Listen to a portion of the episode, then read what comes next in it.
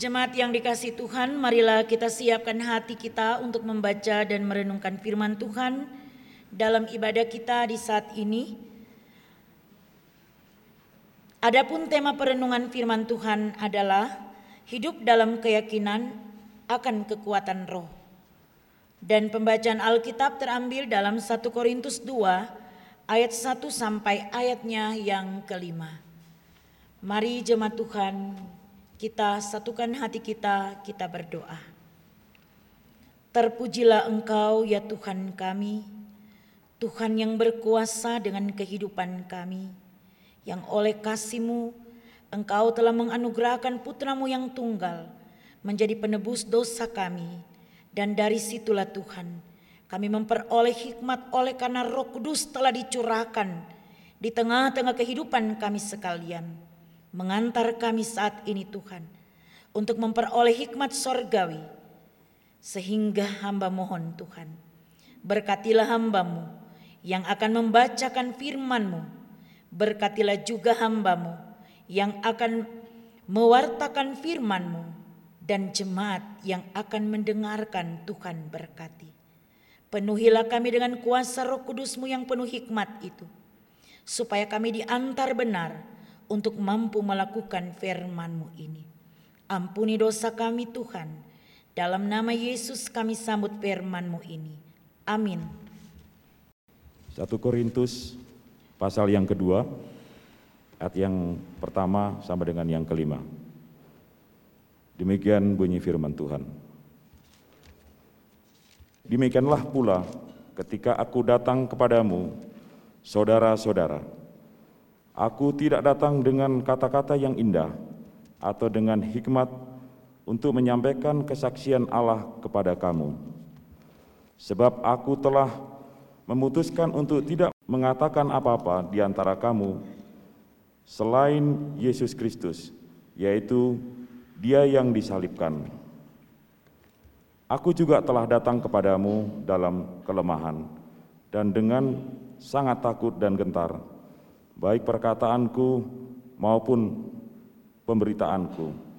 Tidak kusampaikan dengan kata-kata hikmat yang meyakinkan, tetapi dengan keyakinan akan kekuatan roh, supaya iman kamu jangan bergantung pada hikmat manusia, tetapi pada kekuatan Allah.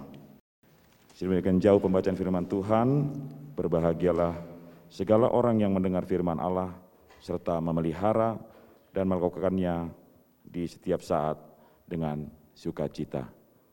Haleluya.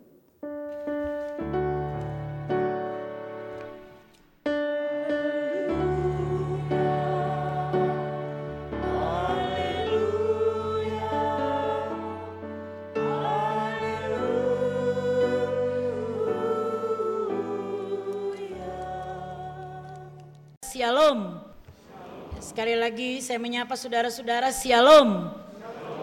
Saudara-saudaraku yang dikasih dan diberkati oleh Tuhan kita Yesus Kristus hari Minggu ini kita akan merenungkan tema yang mengatakan hidup dalam keyakinan akan kekuatan roh. Hidup dalam keyakinan akan kekuatan roh. Saudara-saudaraku yang dikasih dan diberkati oleh Tuhan Yesus Kristus, tema ini mengantar saya dan saudara untuk percaya bahwa di dalam roh ada kekuatan yang luar biasa yang akan menuntun saya dan saudara baik memecahkan masalah tetapi juga bagaimana kita menyelesaikan segala pekerjaan dan mencapai tujuan hidup kita yaitu damai sejahtera, sukacita dan kesuksesan.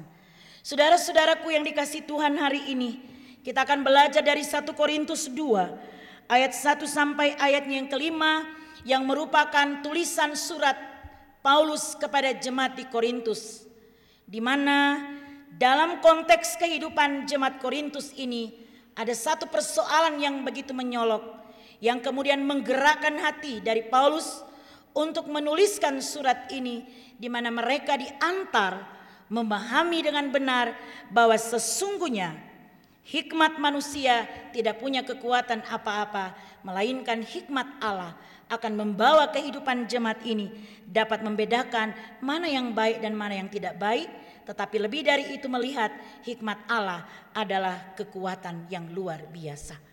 Saudara-saudaraku yang sangat dikasih dan diberkati Tuhan, kenapa Paulus begitu menekankan tentang hikmat Allah?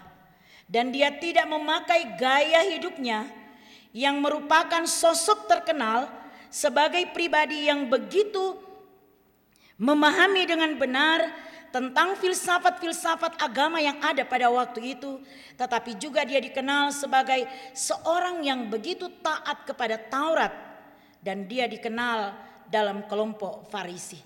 Kita ingat peristiwa perjumpaan Yesus dengan Paulus ketika dia akan pergi ke Damsik, ya tercatat dalam kisah Rasul pasalnya ke-9 ayat 1 sampai ayatnya yang ke-19a di situ diceritakan bagaimana perubahan gratis yang dialami oleh Paulus ketika dia diubahkan oleh perjumpaan itu menjadi seorang yang benar-benar mendasari cara berpikirnya berangkat dari kematian dan kebangkitan Kristus.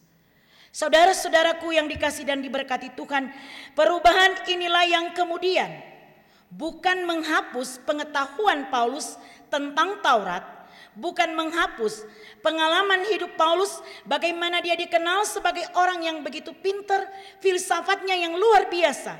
Tetapi melengkapi segala pengetahuan ini dan mengantar Paulus untuk memahami dengan benar serta mendasari cara berpikirnya bukan lagi berangkat dari hikmat manusia, bukan lagi berangkat totalitas dari hukum Taurat itu sendiri, tetapi dia berangkat dari teologi Kristus.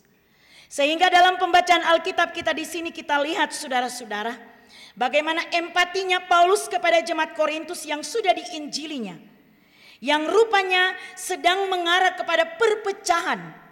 Dan karena itu mereka mengelompokkan kehidupannya di dalam kehidupan yang ada pada waktu itu kalau kita baca pada pasalnya yang pertama mereka lebih mengagungkan dan lebih menonjolkan siapa sebenarnya yang telah membuat mereka menjadi orang Kristen dan taat kepada Tuhan. Ada yang mengatakan, saya dari golongan Apolos, saya dari golongan Kefas, saya dari golongan Paulus, saya dari golongan Kefas dan lain sebagainya kita lihat pada pasalnya yang pertama ayatnya yang ke-12 di situ dicatat ya. Bagaimana sebenarnya jemaat Korintus khususnya orang-orang Yahudi di sana mereka lebih mengutamakan si pemimpin ini dan karena itu mereka tidak lihat lagi bahwa sebenarnya dasar kehidupan mereka adalah hikmat. Dan pertanyaan bagi kita, siapakah hikmat itu? Hikmat itu adalah Tuhan di dalam nama Yesus Kristus yang akan mengantar kehidupan jemaat ini memahami dengan benar bahwa sesungguhnya tanpa hikmat itu mereka tidak akan bisa mencapai sasaran kehidupan dari mereka saat dijalani. Saudara-saudaraku yang dikasih dan diberkati oleh Tuhan kita Yesus Kristus sebelum kita masuk pada pasalnya yang kedua, kita lihat ayat 18 pasal pertama sampai ayat 18 sampai ayat yang ke-30 ya. Di situ dikatakan begini pada ayatnya yang 18. Sebab pemberitaan tentang salib memang adalah kebodohan bagi mereka yang akan binasa. Tetapi bagi kita yang diselamatkan, pemberitaan itu adalah kekuatan Allah. Jadi kekuatan Allah itu adalah firman yang kemudian diangkat kembali oleh Rasul Paulus dalam pasalnya yang kedua mengantar orang-orang percaya pada saat itu supaya melihat hikmat itu adalah kekuatan yang luar biasa.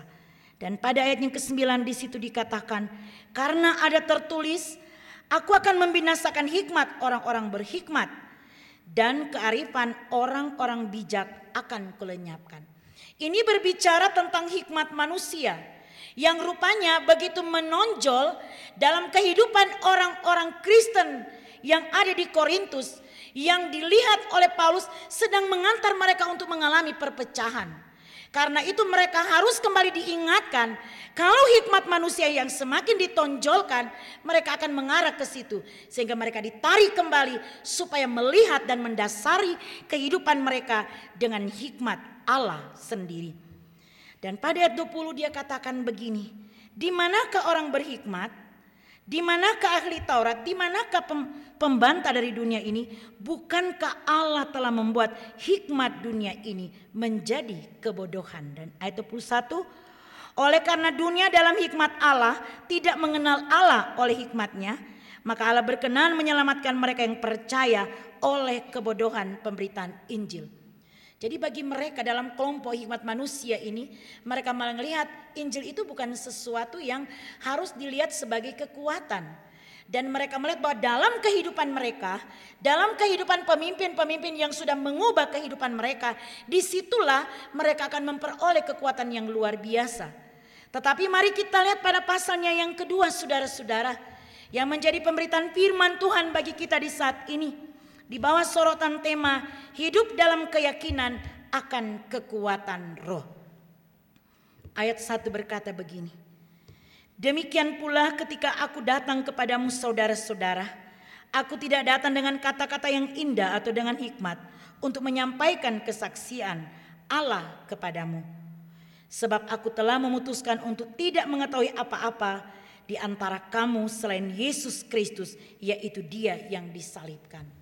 Di sini Paulus mau menceritakan kepada orang-orang Korintus bagaimana dia merendahkan diri dan tidak menonjolkan kepintaran yang dia miliki, tetapi sesungguhnya ada satu komitmen yang dibangun oleh Paulus dalam menghadapi persoalan yang ada di jemaat Korintus ini adalah katanya dia datang kepada orang-orang yang ada di Korintus bukan dengan kata-kata yang indah, tetapi dia datang dengan dasar kekuatan Kristus yang mati dan bangkit itu.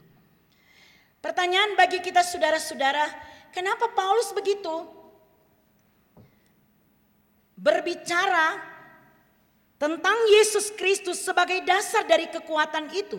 Kembali lagi saya katakan bahwa teologi Paulus adalah teologi Kristus yang mati dan bangkit dari antara orang mati yang dilihat oleh Paulus sebagai satu kekuatan yang sempurna dan karena itu tidak bisa dikalahkan oleh kekuatan atau hikmat manusia yang ada baik pada waktu itu tapi juga pada masa kita saat ini.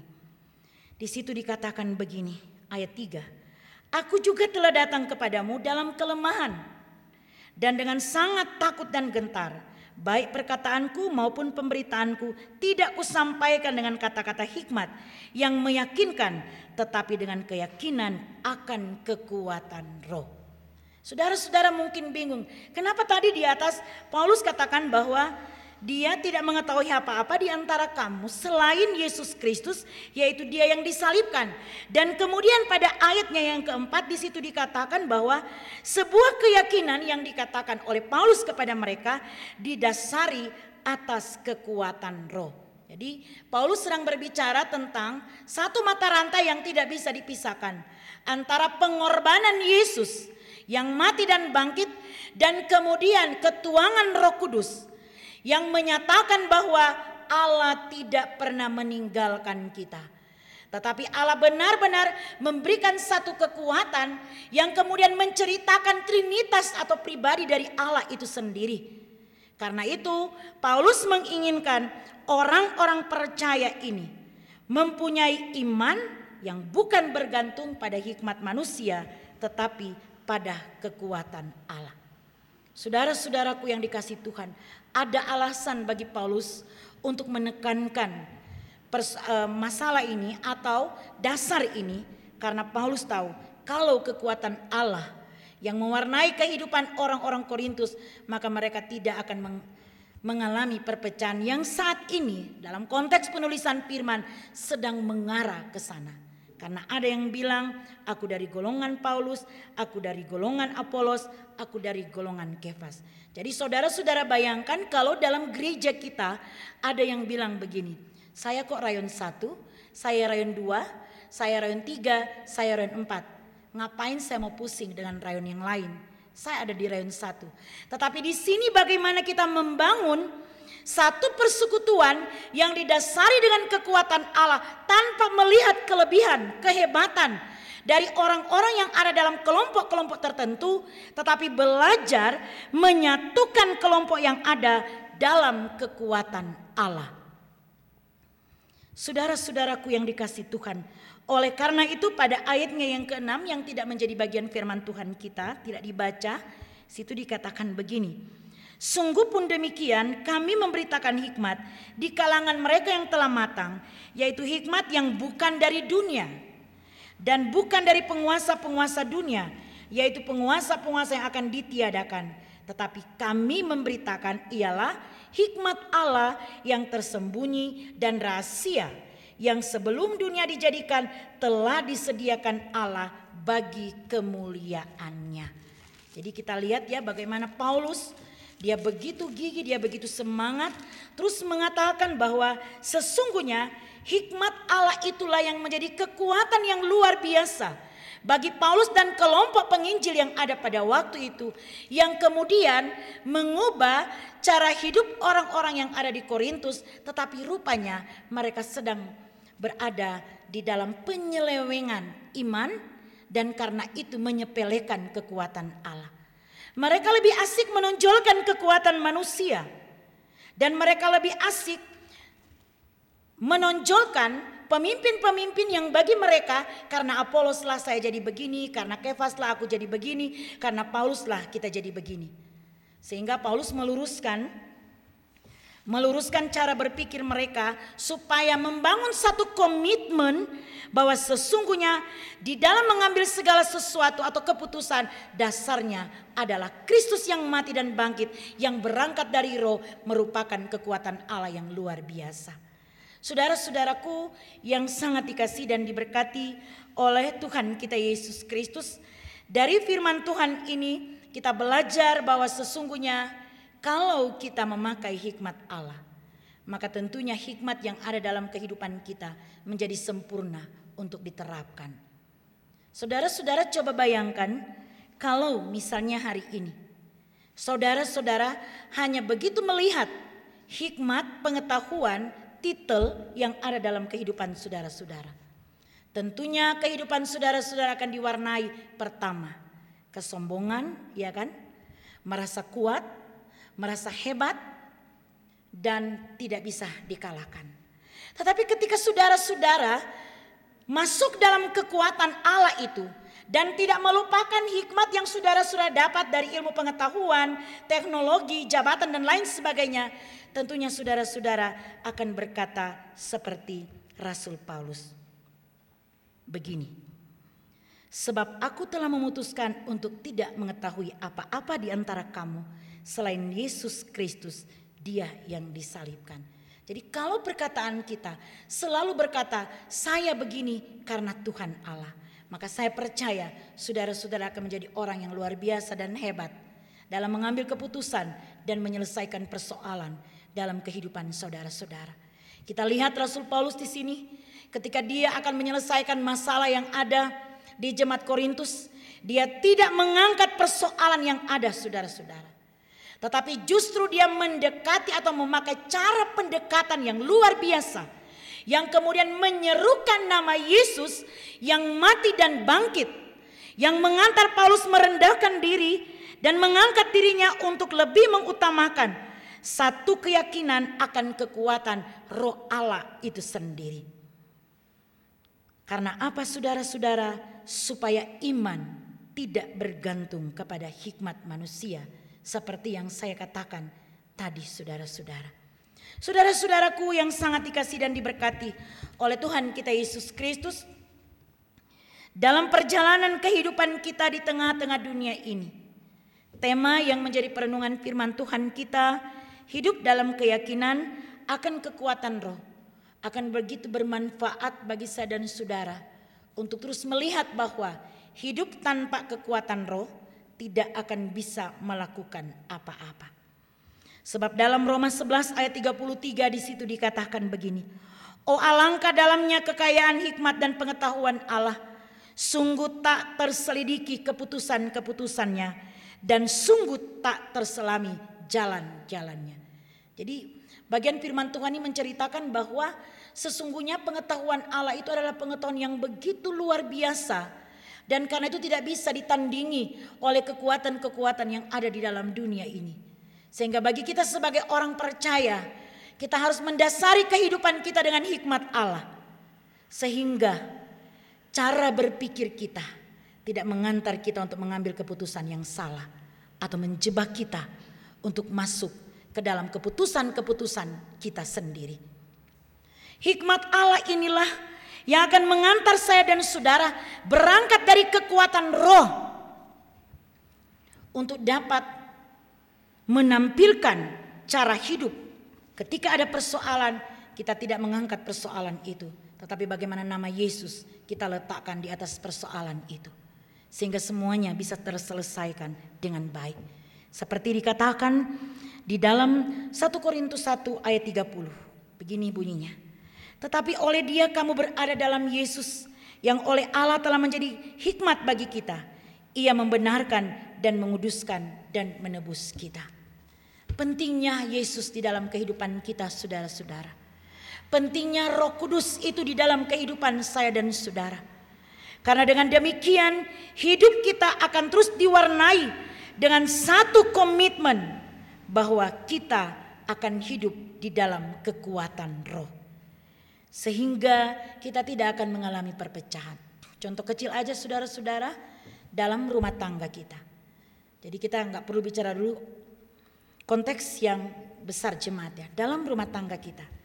Ketika kita tidak memiliki keyakinan akan kekuatan roh, sudah pasti suami istri ketika punya masalah akan cekcok.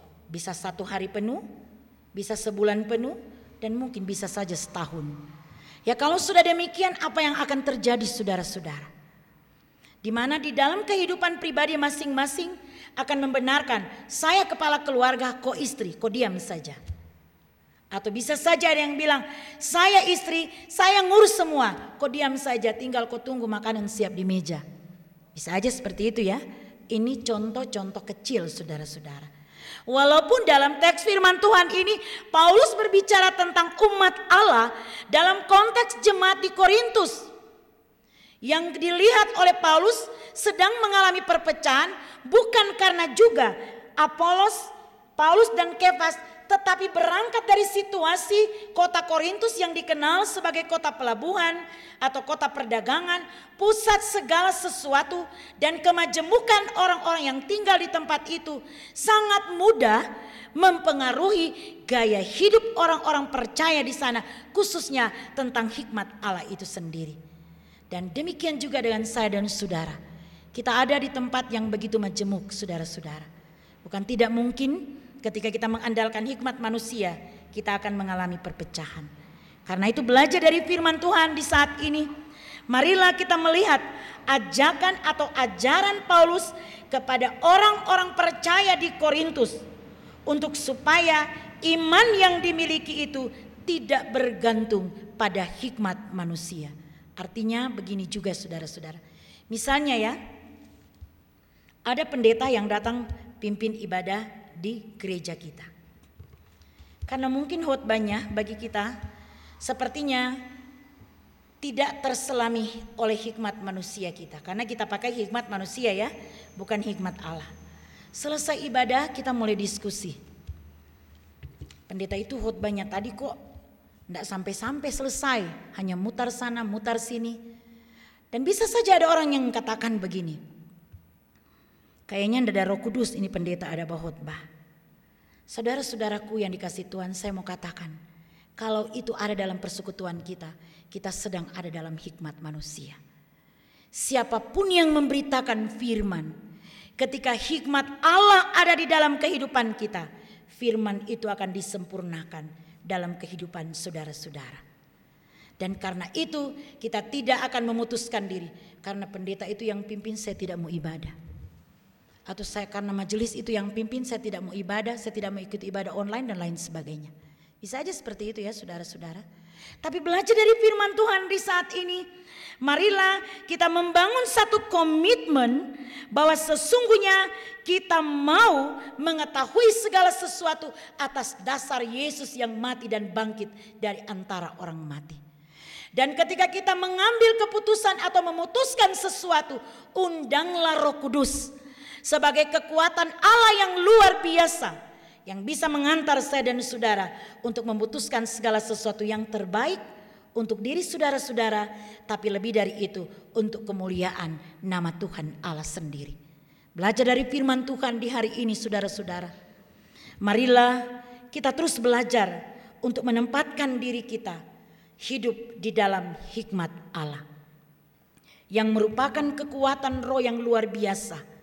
Yang menuntun saya dan saudara untuk lebih mengenal dengan dekat siapa Tuhan yang kita sembah dan kita muliakan di dalam hidup kita. Kemajemukan kita di tempat ini akan mudah mempengaruhi cara berpikir saya dan saudara. Tuntutan jam kerja yang begitu tinggi dalam kehidupan saudara-saudara akan mengubah paradigma kita. Yang tadinya ada keputusan mau ibadah, tiba-tiba kita tidak ibadah karena panggilan kerja. Kalau sudah demikian, apa yang akan saudara-saudara putuskan? Kembali kepada hikmat Allah. Kalau kita ada dalam posisi itu, maka marilah kita bangun doa pribadi kita dengan Tuhan. Memuji dan memuliakan Tuhan dalam pribadi kita masing-masing. Tapi bukan berarti saya izinkan saudara-saudara untuk mengabaikan Tuhan. Kita tidak boleh menomorduakan waktu Tuhan. Karena ketika kita mengabaikan waktu Tuhan, itu berarti kita ada dalam konteks hikmat manusia.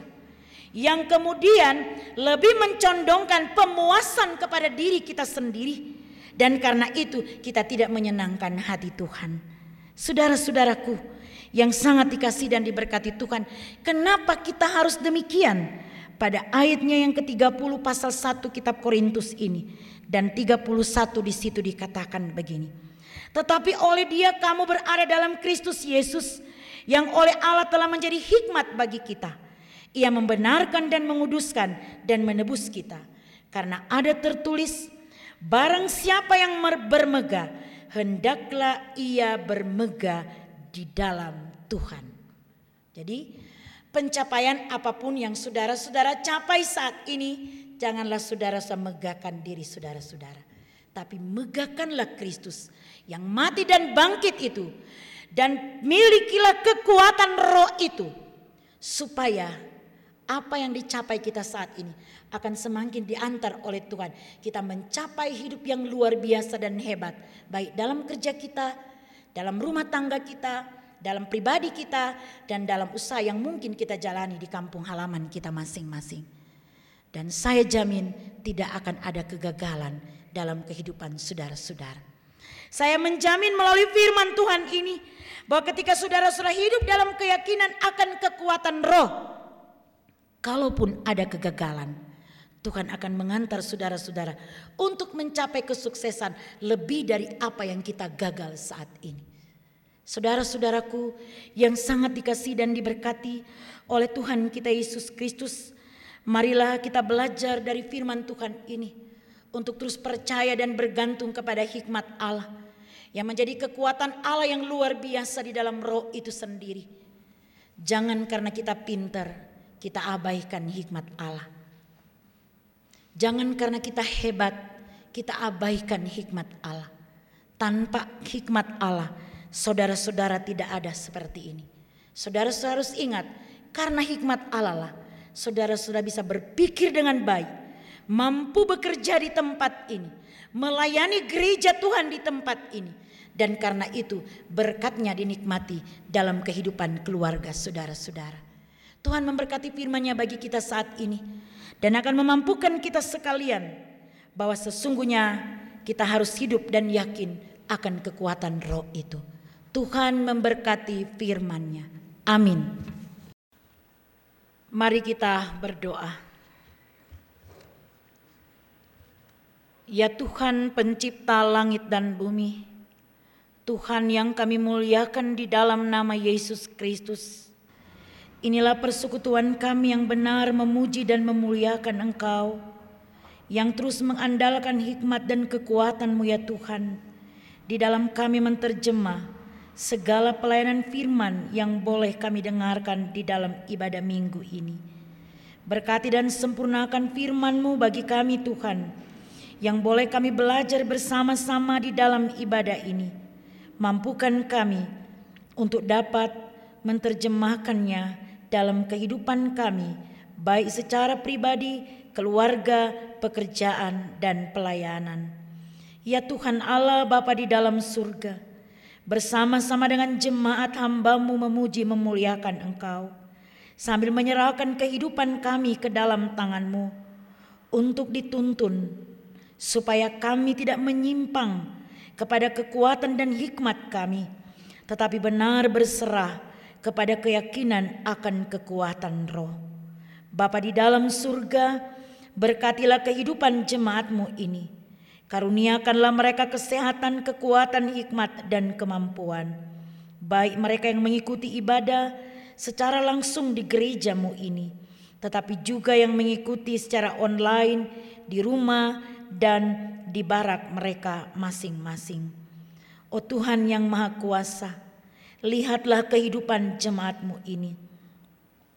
Berilah mereka selalu pendampinganmu supaya mereka boleh menata kehidupan mereka untuk dapat mencapai tujuan hidup baik dalam pekerjaan, usaha, tetapi juga bagaimana mereka sebagai anak-anak muda yang sedang merancangkan kehidupan di masa yang akan datang.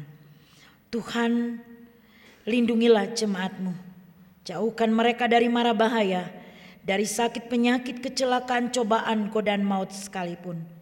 Jauhkan dari virus COVID-19 yang terus menjadi pergumulan dunia, teristimewa kami yang ada di lingkungan ini. Sehatkan terus kami jemaatmu GKI Kalvari Tembagapura Tuhan. Dan biarlah engkau menyatakan kekuatan Roma yang luar biasa. Ia akan terus melindungi kami. Supaya kami benar-benar ada dalam lingkup selamatmu Tuhan. Tuhan, begitu juga hamba berdoa untuk pelayanan di Jemaat GKI Kalvari Tembagapura. Tuhan berkati segala program pelayanan kami. Tuhan mampukan pendeta, penatua dan siamas yang ada dengan kekuatan rohmu ya Tuhan. Dan Tuhan memberkati pelayanan yang sudah kami lakukan bersama di saat ini. Karena tanpa pemberkatanmu Tuhan, Ibadah yang kami lakukan saat ini akan menjadi sia-sia dan tidak menjadi sukacita bagi kami sekalian. Karena itu hamba mohon Tuhan, berkatilah pelayanan kami di hari ini. Sempurnakanlah pelayanan ini. Dan Tuhan memberkati pemain organ dan singer, memberkati tim multimedia, memberkati tim radio suara kasih Apa pun yang mereka persembahkan hari ini kepadamu Tuhan secara pribadi, Tuhan engkau kiranya menerimanya. Dan kiranya engkau memberkati pribadi dan keluarga serta pekerjaan mereka. Sehingga apa yang dilakukan hari ini tidak sia-sia. Tetapi benar ya Tuhan ada berkat baru yang Tuhan akan berikan kepada mereka yang sudah melayanimu. Bagi penatua dan siamas yang telah menopang pelayanan, dan melakukan pelayanan bersama hambamu di saat ini. Tuhan juga kiranya memberkatinya. Secara pribadi mereka, keluarga mereka, tapi juga pekerjaan mereka. Hanya pada kekuatan rohmu saja Tuhan kami menggantungkan semuanya ini. Dan hamba percaya dalam nama Yesus yang mati dan bangkit, kami yang sudah mempersembahkan diri dalam pelayanan ini akan terus didampingi oleh Engkau Tuhan. Ya Bapa di dalam surga, Berkati perusahaan, PT Freeport kontraktor dan privatisasi. Memampukan para pimpinan dan manajemen dengan kekuatan rohmu ya Tuhan. Dan melindungi seluruh area kerja yang ada dengan rohmu ya Tuhan. Supaya tetap terjadi keselamatan. Mulai dari Graceburg sampai Portside. Lindungilah mereka yang bekerja. Baik pada saat ini Tuhan. Tapi juga pada hari-hari yang akan datang. Kiranya naungan kasihmu Tuhan tetap teralami untuk semua karyawan dan karyawati teristimewa untuk jemaat GKI Kalvari Tembagapura. Sehingga kami menjadi kesaksian iman bahwa Tuhan Yesus yang kami muliakan adalah Tuhan Yesus yang luar biasa oleh kuasa roh melindungi dan menyelamatkan jemaatmu ini Tuhan. Berkati mereka dalam pekerjaan dan lindungilah supaya segala sesuatu yang dikerjakan baik hari ini, esok dan seterusnya dapat selalu dilakukan sesuai dengan kehendakmu. Bapa kami di dalam surga, bagi aparat keamanan TNI dan Polri yang terus hadir di wilayah perusahaan ini, mereka menjadi jemaat GKI Kalvari Tembagapura dalam waktu ketika mereka ada di tempat ini. Berkatilah mereka Tuhan. Sehatkan dan kuatkan mereka. Lindungilah. Di dalam mereka menegakkan keamanan di tempat ini. Mereka boleh melakukan sesuai dengan kekuatan yang berasal dari Tuhan. Tim medis yang ada di rumah sakit Tembagapura, dokter dan perawat, para pegawai, tapi juga mereka yang tersebar di seluruh rumah sakit yang ada di Indonesia. Tuhan juga kiranya memberkati, memampukan mereka dengan kekuatan dan kesehatan yang berasal dari Tuhan. Demikian juga Tuhan, kami berdoa khususnya untuk keluarga Bapak Barnabas Mandenas. Dalam ibadah ini Tuhan keluarga telah pamitan oleh karena telah menyelesaikan pekerjaan atau akan menjalani masa pensiun di Jayapura. Tuhan berkatilah keluarga ini. Tuntunlah perjalanannya mereka akan ke Jayapura. Tibakan mereka dengan selamat. Dan Tuhan campur tangan dengan segala sesuatu yang akan dilakukan oleh keluarga ini. Baik usaha maupun pekerjaan yang baru. Kehidupan pribadi bapak keluarga, istri dan anak-anak. Teristimewa anak-anak dalam mereka menata dan ingin mencapai hari depan yang penuh dengan harapan.